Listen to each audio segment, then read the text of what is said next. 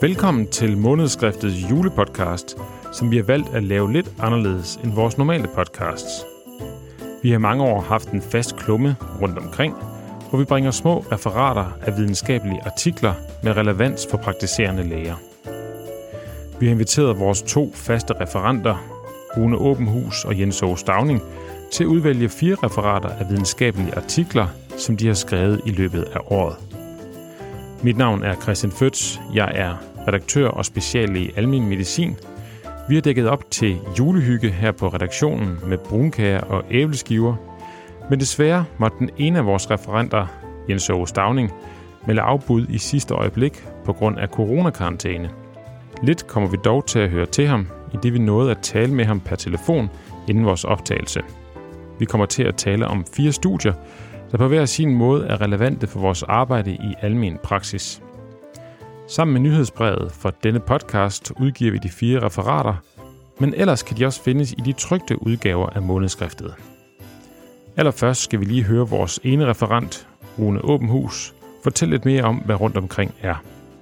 Rundt omkring, det er en række af referater, som jeg og min gode kollega Jens Stavning øh, sidder og skriver og øh, de baserer sig på, at vi har kigget på øh, nogle øh, tidsskrifter, nogle af de store øh, tidsskrifter, BMJ, The Lancet, New England Journal, øh, så nogen. Og der sidder vi så og ser nogle ting, som vi måske synes kunne være interessante for kollegaerne.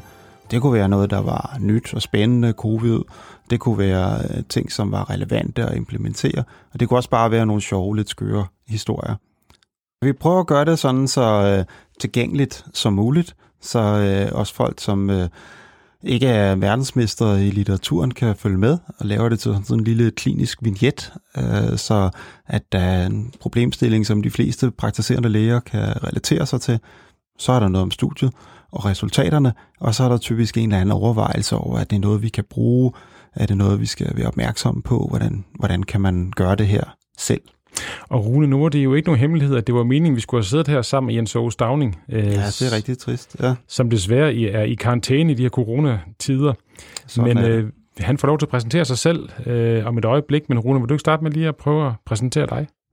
Jo, jeg hedder Rune Åbenhus, og øh, jeg er praktiserende læge. Der har jeg været de sidste fire år, speciallæge i godt syv år. Og øh, jeg sidder inde på Vesterbro sammen med to gode kollegaer i en komponistskabspraksis, godt 7.000 patienter. Og øh, der sidder jeg fire dage om ugen. Og så har jeg så en dag, som ikke er en fridag, men øh, der sidder jeg nemlig inde på Københavns Universitet.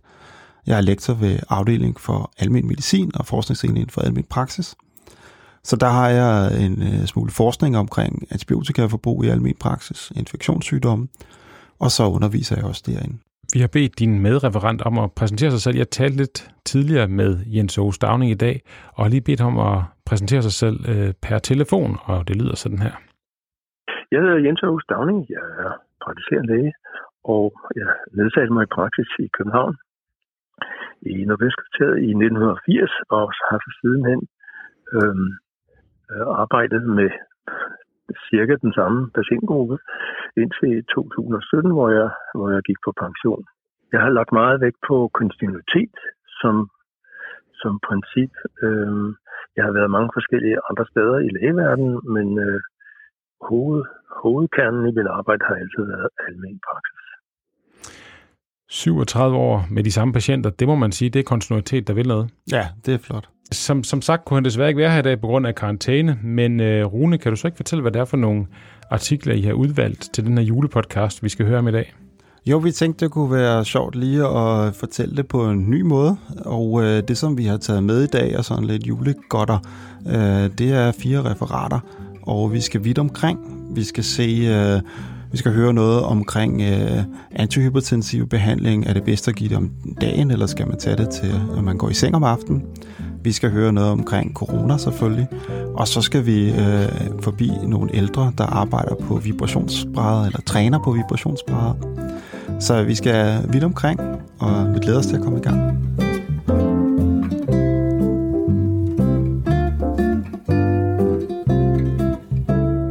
Det første referat, I har valgt, vi skal høre om, det hedder Så er det op på vibrationsbrættet. Det kan man læse i månedskriftet oktober 2020. Vil du ikke prøve at fortælle, hvad det handler om? Jamen, det kan jeg godt. Altså helt kort fortalt, så er det noget med nogle ældre på gyngende grund. Og øh, for dem, som er interesseret, så kan de øh, som sagt finde det i øh, oktoberudgaven af moderskriftet. Og der står også øh, selve den artikel, som vi refererer til, så kan man læse hele artiklen, hvis man har den interesse. Men her vil jeg lige sådan kort skitsere, hvad det gik ud på. Så formålet var at undersøge, om der var nogle typer træning, som er bedre end andre typer fysisk træning. De fleste er enige om, at det er godt at motionere, og det er det bestemt også for ældre, og dem, som er plejehjemslæger, de har tit set, at de ældre sidder i en eller anden øh, meget ubehagelig stilling, tænker jeg, i en øh, sofa eller en øh, kørestol i opholdsrummet og sover på en eller anden mærkelig måde. Så det er ikke så mærkeligt, at vi ender med at skulle give dem en masse medicin for smerter, men, men her var tanken, kunne man måske lave noget øh, træning. Og øh, det har man så undersøgt i et rigtig spændende design, hvor man har ikke bare øh, sagt nogen, der skulle træne på den her vibrationsbræt, men øh, over for ingenting, men nogen, der skulle træne med almindelig fysioterapi. Og så den her øh, gyngende grund, som vi kalder det, det er faktisk sådan, at hvis man kan huske sådan en vortex mixer fra den gang, man havde kemitimer, det er sådan en, der kan sætte øh, øh, små pipetter og øh, Eppendorf-rør til at vibrere meget kraftigt, hvis man sætter sådan en ned med hele armen, så, whoop, så kan man mærke rotationerne hele vejen op igennem. Og øh, sådan en laver man i stor størrelse, som et bræt, som de ældre kan sidde på og ligge på osv. Og, og mens de sidder og laver de øvelser, de skal der, så vibrerer brættet. Og det vil sige, at man hele tiden skal justere sin muskulatur, måske seks gange i sekundet, øh, hele tiden justere frem og tilbage. Så dem, der skal undersøges, de kommer så op og sidde på et bræt, og det bræt, det, det, det, øh, det rumsterer, sådan at man hele tiden skal bruge sin proprioceptik og, og, og, og, og ligesom regulere sin statur, sådan at man ikke falder. Lige præcis. Det er lidt crazy, ikke? Men, øh, men for at man ikke bare skulle kunne sige, at det var fordi, de lavede nogle specielle øvelser, mens de var på det bræt, så havde man så en tredje gruppe, som lavede de samme øvelser på brættet, men hvor brættet ikke vibrerede. Og, øh, og her havde man altså nogle meget eklatante resultater. Så de træner i 16 uger, de her ældre og de er 82 år i gennemsnit, så det er nogle ældre nogen. Det er ikke 65, det er 82 det her. Det må, det, det må man godt kalde for gamle. Ja, det synes jeg også er ja, vildt. Ikke? Ja. Det, det, øhm, det er bestemt noget, hvor, hvor det, det ligner mit uh, klientel i hvert fald. Og øhm, så, øhm, så træner de 16 uger, og så måler man dem igen. Og man måler dem på nogle tests, som vi kender rimelig godt, sådan noget timed up and go, rejse, sætte sig test og sådan nogle ting. Og, øh, og der er den gruppe, som har været på gyngende grund, altså i vibrationstræning, de er markant bedre end de andre. Og ikke nok med, at man siger, okay, 16 uger, men så forsvandt det sgu efter 17, ikke? så har man gjort det igen efter et år. Så efter et år har man taget de samme mennesker frem, og så har man målt på, hvordan øh, er deres effekt nu. Og den var stadig bedre i den gruppe, der havde været på gyngende grund. Så selvom det var et år siden, at de havde været på den her, det her vibrationsbræt, den gyngende grund, så var deres fysiske form stadig målbart bedre. Det er jo ret fantastisk, ikke? Ja, sådan er det faktisk. Og det får jo mig til at tænke, at der er rigtig meget spændende at hente på nye træningsmåder og andre øh, typer af fysisk aktivitet for de ældre. Jeg synes, det her studie er interessant, fordi det siger noget om effekten af non-farmakologisk behandling. Vi diskuterer rigtig meget ældre og medicin. Vi snakker too much medicine, og vi vil rigtig gerne prøve at blive bedre til at ikke give for meget medicin. Og her synes jeg at et studie, som, hvor man træner nogen, der er 82, øh, og der er en så god effekt af en speciel type træning for dem. Det synes jeg er en gave til øh, alle de ældre. Og nu har vi hørt om, hvor slemt det stod til på plejehjem bag facaden, Else og Niels, der er vandrygtet. Nu kommer der flere penge til plejehjemmet, det er der blevet meddelt, og jeg håber, at nogle af de ting, som man vil være opmærksom på at få implementeret, det er øh, nogle non-farmakologiske tiltag. Vi holder dem i gang og øh, finder nogle ting, som virker.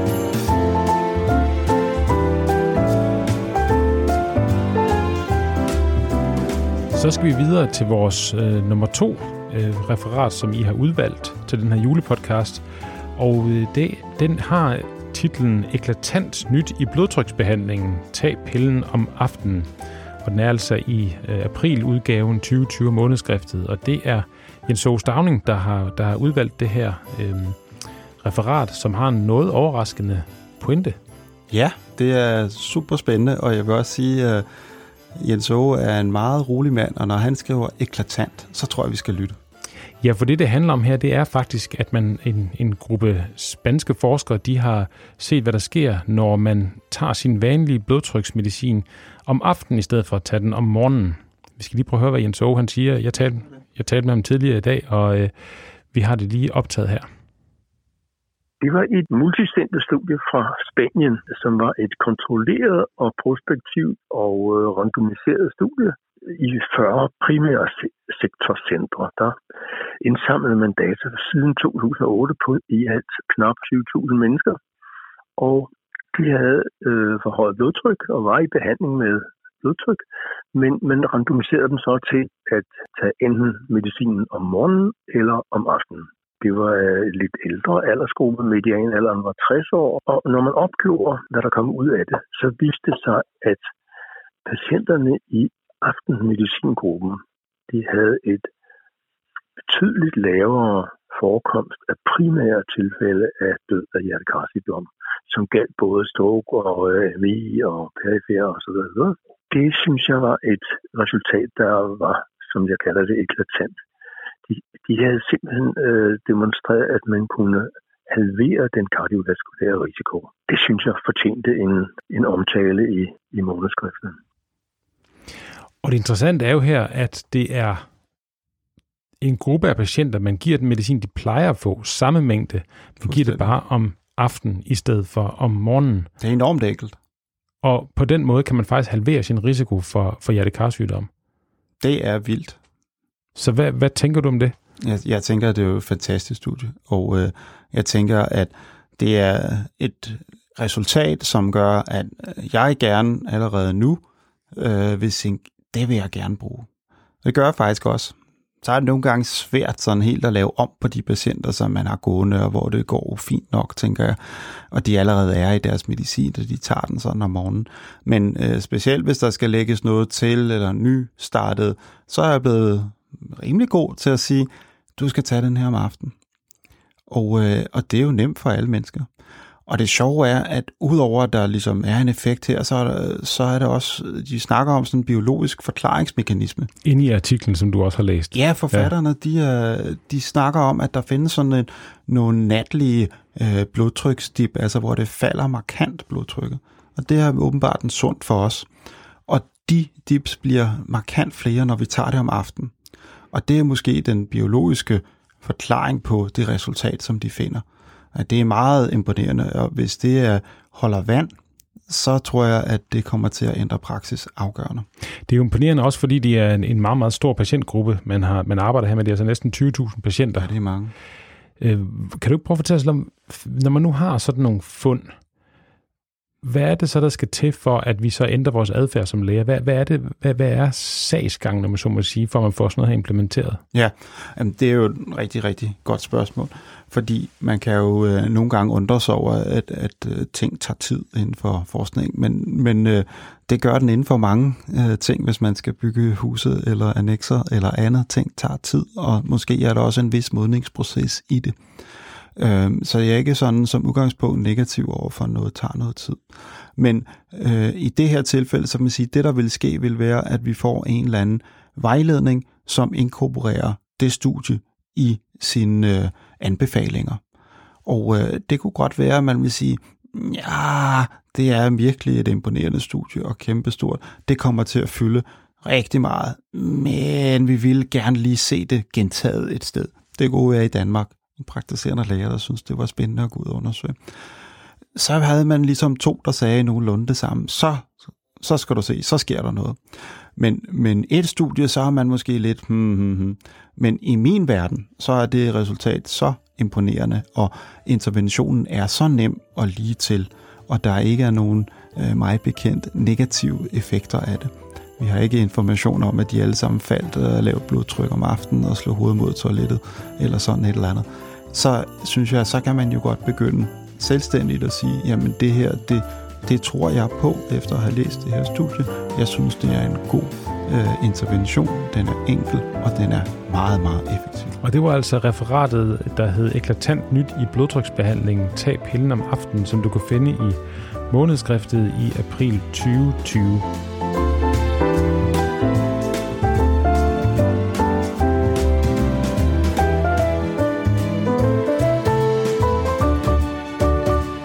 Her i det tredje referat, der skal vi se om, på, om der er en effekt på dødeligheden ved screening for øh, abdominal aortaneurisme. Og det referat, det har du skrevet, Rune, og det er altså i månedsskrift i august 2020. Vil du ikke prøve at fortælle, hvad, hvad det gik ud på?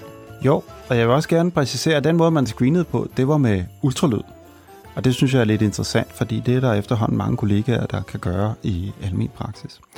Men, øh, men det, man har gjort her, det er, at man har lavet en meta-analyse, og øh, den har så øh, forsøgt at undersøge spørgsmålet, er der en effekt på dødelighed, hvis man screener mænd over 65 for øh, et abdominalt aortaaneurisme med en engangs ultralydsscreening? Og fortæl os lige en gang, hvad en metaanalyse er. Ja, øh, en metaanalyse det er en speciel type øh, forskning, hvor man kigger på alle de studier, der er lavet omkring det her. Hvert enkelt studie er måske af mindre størrelse, 200 patienter, 500 patienter, og så i det omfang, de ligner hinanden, de studier, så kan man lægge dem sammen, og pludselig får man en meget større statistisk styrke. Vi er oppe i tusindvis af patienter lige pludselig. Det, som de jo så målte, det var dødeligheden efter 15 år. Det er ret lang tid. Og øh, det viste sig, at når man øh, øh screenede, så fandt man jo nogle gange nogle øh, abdominale aortaaneurismer, og de blev så henvist. Mange af dem blev opereret, så forekomsten af elektiv øh, kirurgi er markant større i den screenede gruppe end den ikke screenede gruppe. Og man fandt også, at dødeligheden faldt for øh, død af øh, abdominal aortaaneurisme. Men interessant nok, så den totale dødelighed, den var fuldstændig ens. Den ændrede man ikke på. Det synes jeg øh, er interessant, fordi det på en eller anden måde er en lille smule kontraintuitivt igen. Vi leder efter noget, øh, som vi finder, og vi tænker, så har vi styr på det. Vi kan da operere. Det er nogle super dygtige øh, kollegaer, som går ind og opererer det her, så må problemet være løst. Så det vil altså sige, at, øh, at patienterne blev screenet for, om de havde et, øh, abdominal aortaneurisme. Og den gruppe, som så øh, havde det og blev opereret, den gruppe klarede sig bedre i forhold til dødelighed med, med aortaneurisme, men samlet set havde de, øh, havde de den samme øh, dødelighed som kontrolgruppen. Lige præcis. De levede ikke længere. Så døde de bare noget andet? De døde bare noget andet. Og måske er det også øh, med til at give en eller anden billede på, hvad er øh, aorta-aneurisme, og det må stå lidt for min egen regning, men måske er det ikke bare en sygdom på 10 cm af aorta abdominalis, men udtryk for en systemisk proces i hele øh, menneskekroppen, og dermed har man ikke den store effekt af at kun gå ind og kigge isoleret set på den del, fordi samlet set, så har det ikke nogen betydning, at de gennemgik de her operationer. Altså i forhold til øh, den her artikel, så kan man jo så sige, at sådan engangsundersøgelser for, øh, for abdominal aortaaneurisme, dem får vi nok ikke så meget ud af. Så synes jeg, at der kommer nogle spændende spørgsmål fra øh, artiklen, og det er, hvad nu hvis vi bruger vores kendskab til patienterne og deres familie? Det kunne godt være, at der var øh, nogen blandt øh, ens patienter, som øh, hvor faren og broren var faldet om med aortaaneurisme, som var i høj risiko. Og det kunne godt være, at det i den sådan meget selekterede gruppe gav mening at screene. Og det er måske det, som vi bevæger os lidt hen af mod at sige, jamen, altså, kan vi identificere nogle højrisikogrupper? Det har jeg ikke belæg for at sige, at vi kan endnu. Så, så generelt må man være meget tilbageholdende med at sætte scanneren øh, og lede efter øh, abdominal aortaaneurisme hos i øvrigt asymptomatiske patienter. Og det var et referat fra august 2020, som hedder Screening for aortaaneurisme i almen praksis.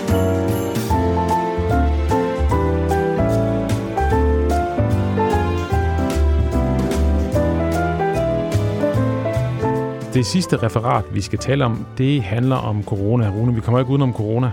Nej, det gør vi ikke. Det er elefanten i rummet. Det må man sige. Øh, og du har haft rigtig meget fokus på, øh, på corona i dine referater. Du har blandt andet et her fra august 2020. Du kan godt fortsætte ACE under covid-19. Ja, og øh, nu har jeg taget det her med, men der er jo simpelthen så meget forskning om corona Ja, jeg, jeg læste faktisk øh, her, at der er, øh, der er udgivet et femcifret antal artikler øh, om covid-19, altså bare i 2020. Så en enorm viden, der bliver produceret på næsten ingen tid. Det må man sige, og jeg synes, øh, det er jo et eller andet sted en uh, tribute, en, uh, en, en gave til forskningen, at de har formået at dedikere sig til det her fænomen i så høj grad. Det er jo helt vildt, hvad man har præsteret på ni måneder at opbygge en helt ny vaccine, som er klar lige om lidt. Og den skal vi snakke om et øjeblik, men vil du ikke lige prøve at fortælle, hvad den her artikel den handlede om? Ja, øh, det som øh, det var, at i starten, der var der en masse, i starten af, af, af covid-19-situationen, marts-april måned, der var der meget diskussion om, at det var specielt folk, som var i øh, havde flere øh, kroniske sygdomme og var hjertesyge, der døde af den her. Og, øh, og så var der en, en øh, opdagelse om, at den kommer ind gennem nogle receptorer, som er dem, vi kalder ACE2-receptorer, hvor vores øh, øh, altså angiotensin 2-receptor øh, antagonister og øh, ACE2-blokker, de sætter sig, undskyld, A2-blokker, de sætter sig der. Så den bliver opreguleret, når du får den behandling. Så tanken var, at vi er i gang med at øh, gøre de her patienter ekstra følsomme øh, over for corona. Skal vi holde op med at give dem det i den her pandemi? Og det spørgsmål, det fik vi lynhurtigt besvaret øh, gennem sådan et kohortestudie fra USA med knap 50.000 mennesker, øh, hvor var det 30 procent, som var i gennemsnit positiv for corona. Så det var et enormt hurtigt øh, afgrænset spørgsmål. Meget hurtigt fik vi at vide, at det var ikke øh, nødvendigt. Det er siden blevet bekræftet flere gange andre steder fra, så det er derfor, jeg føler mig meget sikker, når jeg sidder og siger det, og ikke bare et enkelt studie fra. Men det, der jo også er interessant her, øh, og som øh, faktisk er en lille øh, sjov ting også, det er, at det her resultat, det blev jo gennemført, og undersøgt blev gennemført i april måned i år. Og jeg skrev referatet af den i maj måned. Det er jo helt fantastisk. Ja, man kan så sige, så kom det i august måned, så månedskriftets redaktion, vi arbejder åbenbart ikke lige så hurtigt som... Nej, det, som uh, det var faktisk øh, her, der flaskehalsen var. Ja, det var her, ja. Beklager meget, men uh, det må vi se, om vi kan komme op i kadence. Hvad hedder det? Jeg skal lige spørge dig en gang. Øhm, lige nu, så sker der jo det her med, at der bliver produceret enormt meget viden, og den viden øh, skal vi bruge til at kunne øh, handle ud af covid-19-situationen øh, med evidensbaseret. Så hvad, hvad tænker du som forsker, det her med, at der bliver produceret så meget viden på så kort tid, til at skulle lave så store ting som for eksempel vacciner? Ja, altså, der, jeg tænker virkelig, at der er mange øh, spørgsmål i det spørgsmål, men, men man kan sige, at punkt et, så synes jeg, det er jo øh, det er nødvendigt at generere så meget viden, fordi forskning er nogle meget, meget små brækker, som man til sidst samler til et eller andet puslespil. Og det er sådan lidt som at lægge altså en million milliard briks puslespil, som vi aldrig bliver helt færdige med. Man kan altid fortsætte lidt i en eller anden retning. Så, så øh, der er masser af ubesvarede spørgsmål derude, trods det der femcifrede antal øh, artikler. I forhold til øh, vaccinen, så kan man sige, der vil det jo øh, være rart at have mere viden. Det har vi ikke. Og vi står, synes jeg, med ryggen mod øh, muren. Vi står lige på kanten af afgrunden, så vi har alle sammen ventet på de vacciner og sætter al vores lid til dem. Og vi er heldige at se, at de virker meget effektivt. Men vi har jo ikke sådan et langtidsperspektiv på det. Vi aner ikke, hvad der sker med dem, der er vaccineret om fem år. Så vi ved ikke, hvor lang tid den vaccine holder, og vi ved heller ikke noget om langtidsbevirkningerne.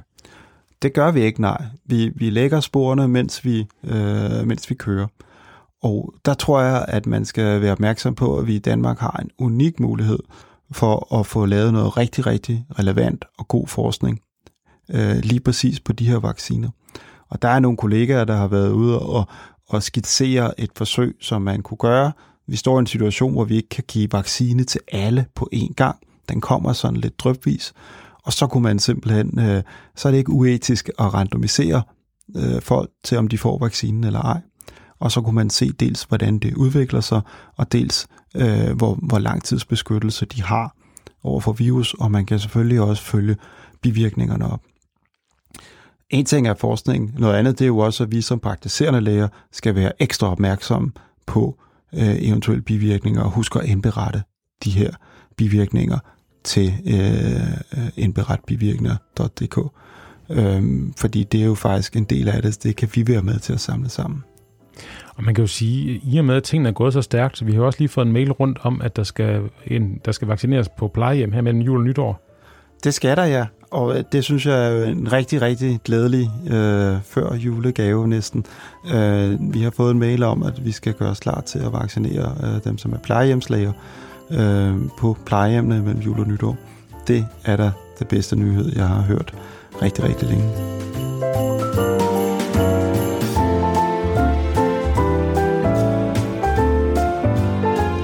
Vi har hørt fire referater fra 2020. Vi har hørt noget om vibrationsbrættet, og vi har hørt noget om eklatant nyt i blodtryksbehandlingen, og så har vi hørt noget om screening for aortaneurisme, og så her det sidste hører vi noget om, om corona, covid-19. Rune, lige spørge dig en gang, øh, hvilket referat kunne du godt tænke dig at have skrevet i 2021? Ah, det er et øh, nemt spørgsmål. Tak for det, Christian. Jeg vil rigtig gerne skrive et referat, hvor der står, at vaccinen virker, og vi har sagt farvel til covid-19 i 2021. Det vil være en ønskescenarie. Og tusind tak, Rune, fordi du var med her.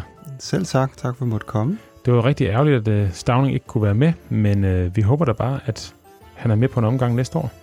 Det vil da være enormt hyggeligt, så det vil jeg se frem til.